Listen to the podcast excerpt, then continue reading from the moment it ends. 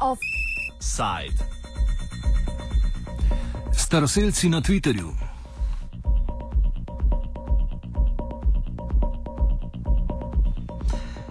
Velik del svetovne populacije živi v izjemno težkih razmerah, ki segajo od revščine do družbene marginaliziranosti, do sistematične diskriminacije in hudih kršitev človekovih pravic.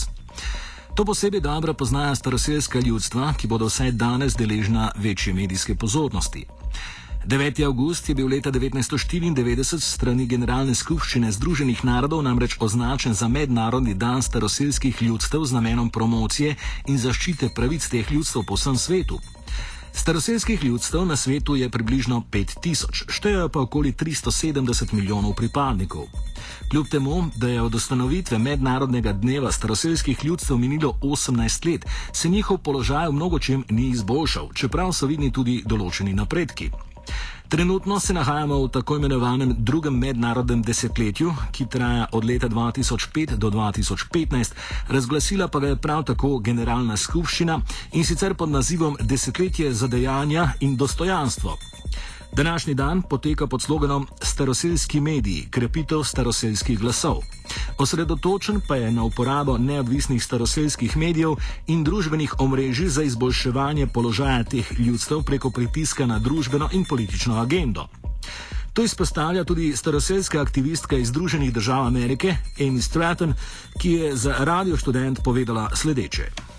The fact that social media is such an accessible tool and a great platform, whether it's Twitter, Facebook, Tumblr, you know, there's various sites where people can, people, everyday people can, can use um, social media to get, to have their voice heard and get their message out. It doesn't take, you know, millions of dollars and a, and a really, you know, fancy um, broadcast studio to get the word out when you have Twitter, you know, by your side. So um, that's something that, you know, Indigenous people can definitely use, assuming they have the technology necessary, which would be a cell phone or a computer or an iPad, you know, some sort of a device. So I think that's kind of a challenge that, that exists. Sometimes the cost involved just to have those technological um, devices as well as, you know, broadband service or Wi-Fi connection. Obenem je Stretnova dodala, da je to zgolj začetek in ne smisel sam po sebi. Well, I, I wouldn't say that, that the, the fight or struggle for um, more acknowledgement of Indigenous issues begins and ends with social, social media. I would never say that. However, I think it's a great starting point. I think it's um, just having Indigenous voices heard alone is a huge step because, as you probably are well aware, indigenous, most Indigenous communities are not in you know the city centers. They're not in the capitals, oftentimes of, of various countries.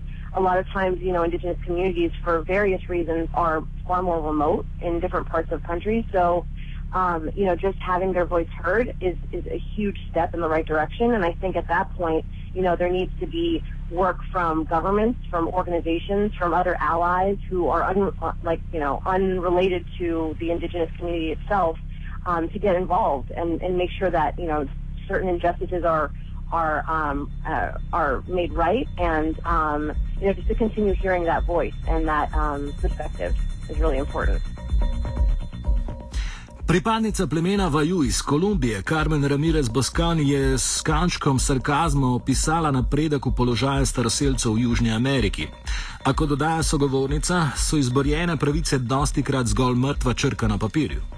The situation is better than a uh, hundred years ago, of course, because we indigenous peoples are, uh, are we have been fighting for some kind of recognition. See? So we, we now have uh, a proper voice and a, voice that can uh, be listened. Now uh, we are not suffering uh, definitely uh, killings like like 100 years ago.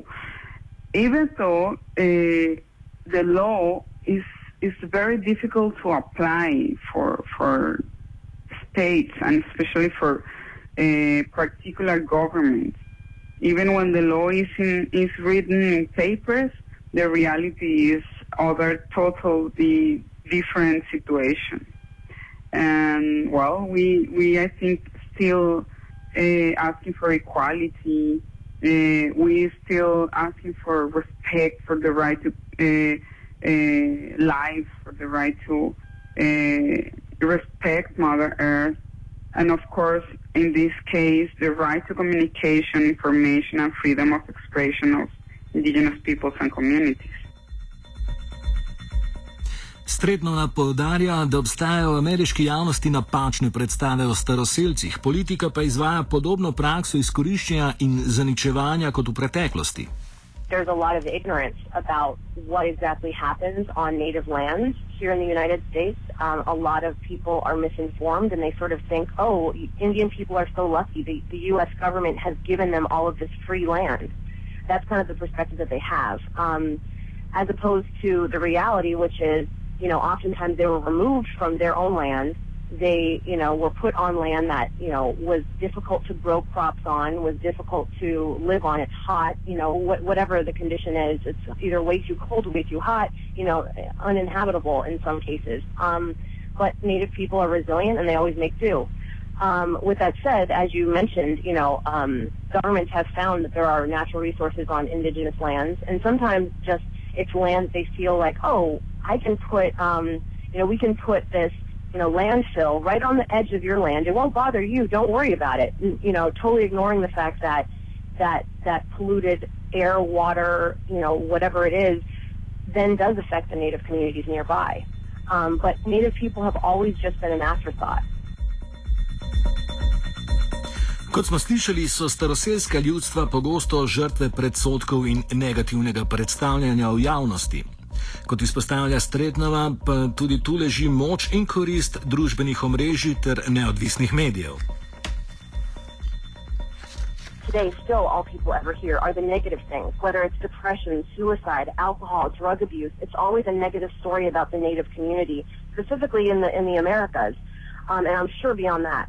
Um, so, the the point of, of creating a website um, for me, um, an Indigenous news site, NativeRemix.com, was to give a voice to all of the other stories going on in Indian country, whether they be, you know, an indigenous um, DJ trio called the Tribe Called Red, who want to mix Native American powwow music, traditional music, with electronic music, and um, blending, you know, two very different um, cultures, whether it's mainstream arts and then indigenous uh, indigenous arts, and really bringing traditional Native um, culture to modern times and um, being able to share that with others and really change the narrative that we always hear, which is always so negative.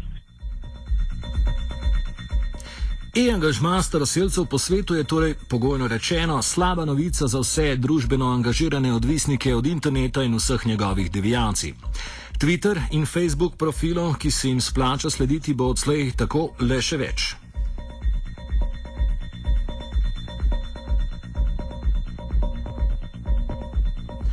Offside sta pripravila Kožuh in Boris Vasov.